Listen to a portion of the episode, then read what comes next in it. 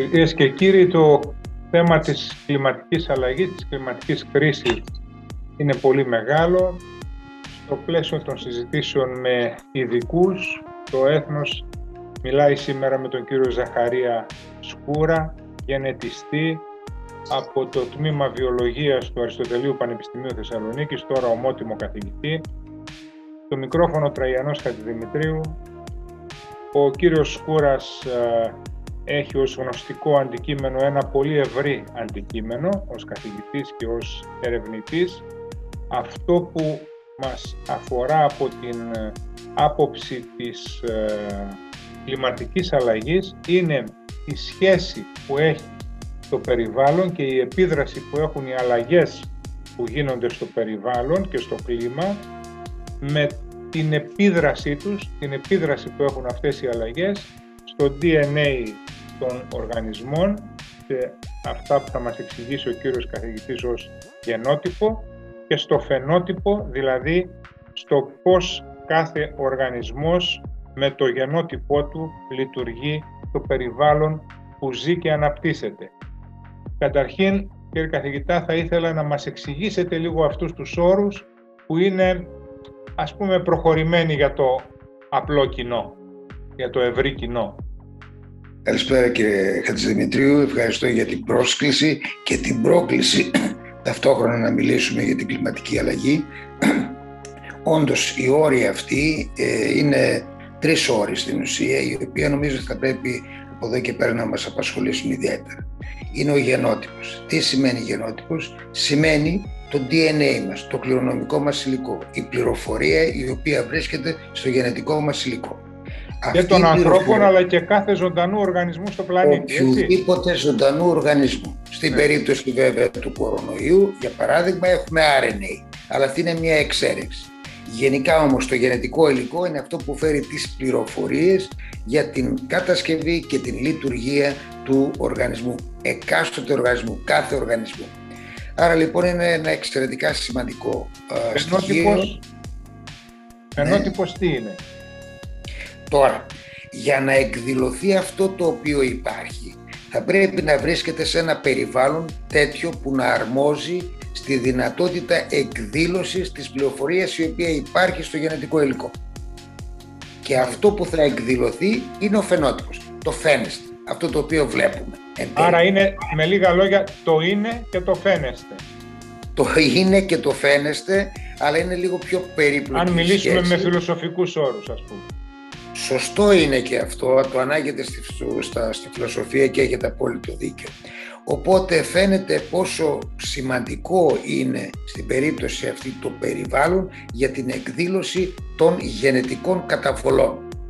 Ας πούμε για παράδειγμα, ένα για να γίνει πιο κατανοητό, είναι ένας, ένας εξαιρετικός πιανίστας, είναι ένα ταλέντο, το οποίο είναι γραμμένο το ταλέντο αυτό μέσα στο DNA του. Για να εκδηλωθεί όμως η πιανιστική του ιδιότητα θα πρέπει να υπάρχει πιάνο. Άρα το πιάνο είναι το περιβάλλον εκδήλωσης του ταλέντου του. Κάπως έτσι θα πρέπει να φανταστούμε τα πράγματα. Ένας δάσκαλος προφανώς για να του μάθει πιάνο. Έτσι, για να... προφανώς θα του μάθει πιάνο, θα γίνει το πιάνο ορθώς, αλλά ξέρετε ότι το ταλέντο, δηλαδή αυτό το οποίο υπάρχει, είναι δεν αντικαθίσταται. Ναι, επαυξάνεται η δυνατότητα, αλλά δεν αντικαθίσταται. Έτσι κάπως, ναι, να δούμε και το... Ας πάμε, κύριε καθηγητά, εκεί που ενώνεται η βιολογία και η γενετική με τον όρο της κλιματικής αλλαγής και της κλιματικής κρίσης που, περνάμε, που αρχίζουμε να περνάμε. Δηλαδή, Τώρα, αυτό πώς το... η επιρροή στο περιβάλλον αλλάζει τους οργανισμούς με λίγα λόγια. Τώρα, είπαμε ότι αν έχεις ένα, ένα περιβάλλον, το περιβάλλον είναι αυτό που αρμόζει για τη ζωή αυτό που έχει ο πλανήτης μας.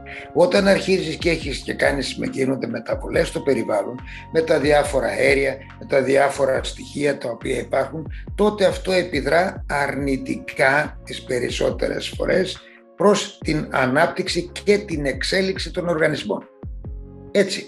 Όπως για παράδειγμα, ένα χαλασμένο πιάνο δεν θα μπορέσεις να σου δώσει. Άμα το χαλάσει κάποιος παράγοντας στο πιάνο, δεν θα μπορέσεις να, να εκδηλωθεί, να, να βγάλεις καλό ύφος.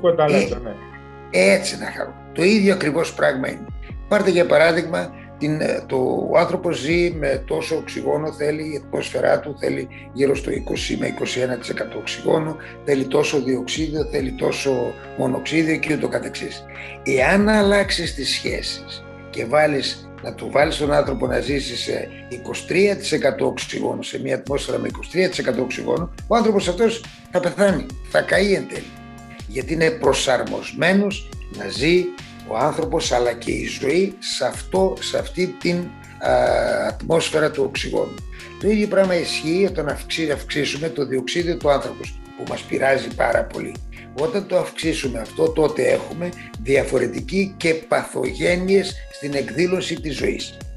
Αυτό είναι το μεγάλο πρόβλημα. Δηλαδή έρχονται, αυξάνοντας το διοξίδιο του άνθρακα, έρχονται ασθένειες; Έρχονται αδυναμίες και τα έμβια έρχονται αδυναμίες έκφρασης των εμβίων του.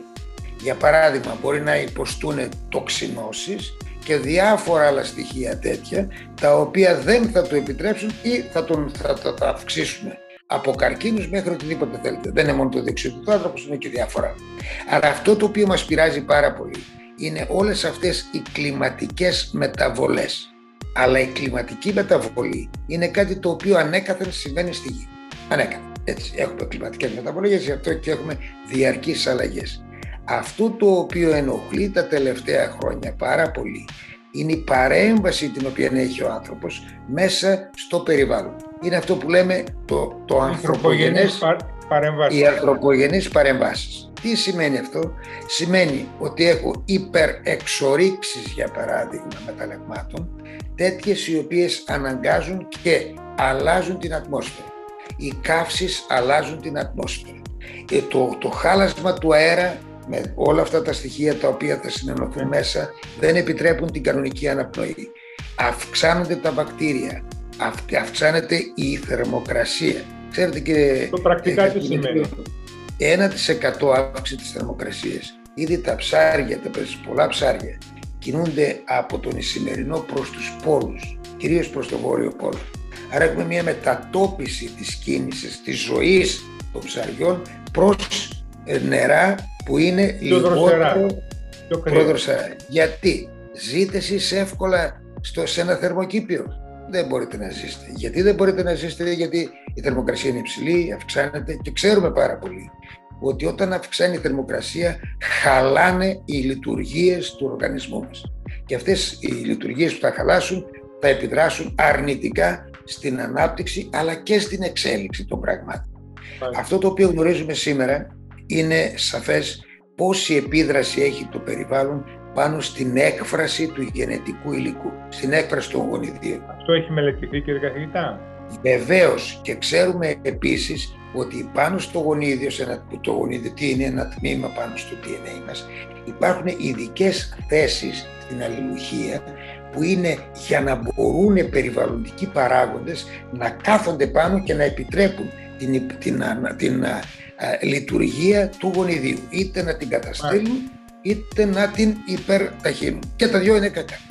Και τα δυο είναι κακά διότι δεν επιτρέπουν. Άρα λοιπόν σήμερα δεν δικαιολογείται να μην καταλαβαίνουμε ότι οι περιβαλλοντικές δράσεις, επιδράσεις επί του γενετικού υλικού είναι σαφείς, τις γνωρίζουν.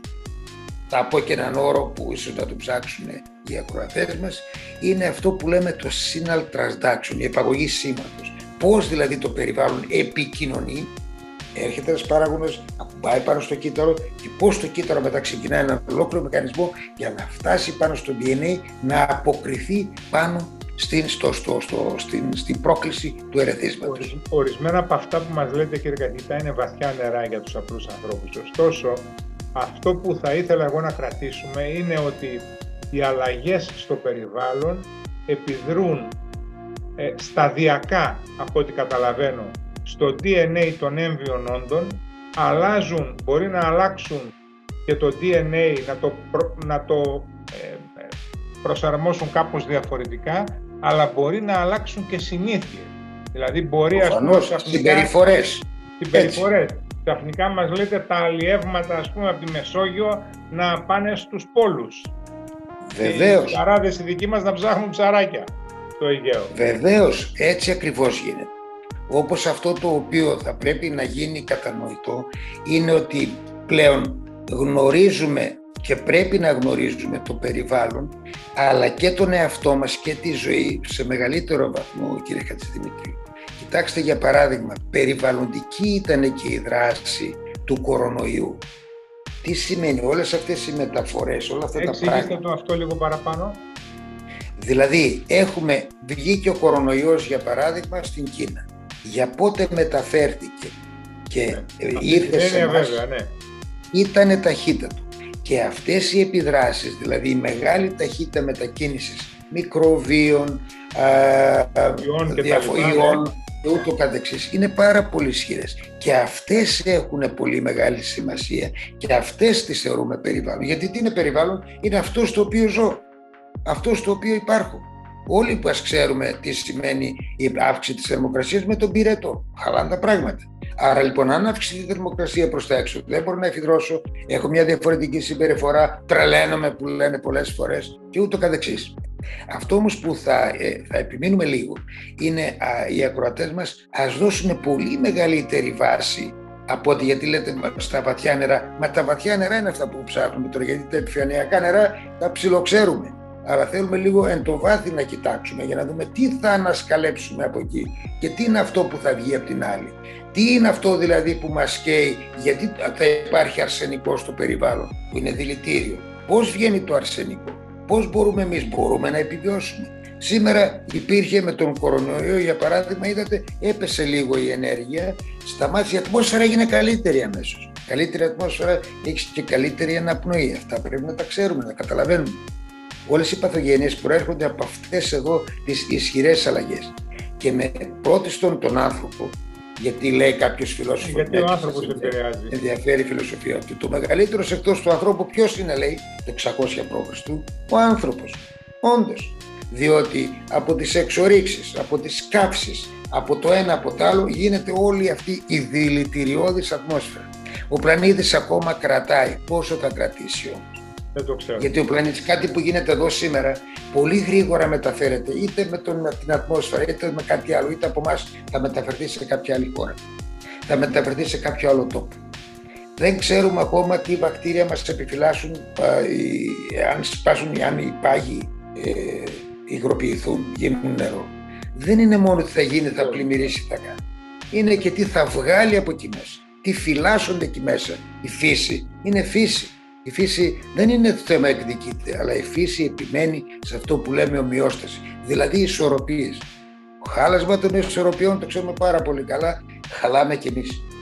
Χαλάμε κι εμείς και θα χαλάσουμε και, και, τα, και θα χαλάσει και η ζωή. Και να είναι να ξέρουμε ότι ο άνθρωπος δεν είναι, υπάρχουν περισσότερα μικρόβια στη, μέσα στον άνθρωπο ή στα, στα, στα αυτά τα ανώτερα θηλαστικά που λέμε, από ότι τα ανθρώπινά του κύτταρα. Όλα αυτά έχουν μια άμεση αλληλεπίδραση με το περιβάλλον. Πρέπει να κατανοήσουμε πάρα πολύ καλά γιατί αυτές οι κλιματικές αλλαγές, γιατί αυτές οι ανθρωπογενείς επιδράσεις επηρεάζουν άμεσα το δικό μας το μέλλον. Ένα, και θα τελειώσω νομίζετε. Κοιτάξτε πόσο έχει ελαττωθεί το σπέρμα το σπέρμα, αυτό που λέγαμε κάποτε έχουμε τόσα εκατομμύρια σπέρματος όταν έχουμε μια ε, ε, ρίση. Ε, σήμερα δεν είναι εκατομμύρια. Ήδη στα νέα τα παιδιά παρατηρείται μια υποκινητικότητα και μια λιγότερη παραγωγή σπέρματος. Όλα αυτά, όλα αυτά είναι σαφώς επιδράσεις του περιβάλλοντος. Γιατί περιβάλλον είναι και το μακρύ, είναι και το κοντό είναι και το περιβάλλον του καθημερινό, το περιβάλλον του δωματίου μας, όλα αυτά τα πράγματα. Είναι και φωτίσατε κύριε καθηγητά. Ευχαριστώ πολύ για την κουβέντα που είχαμε. Να είστε Εγώ σας ευχαριστώ πάρα πολύ. Σας ευχαριστώ. Να είστε καλά. Καλή συνέχεια να έχετε. Και από το ΑΠΙΘΙΤΑ. Να είστε καλά. Γεια σας.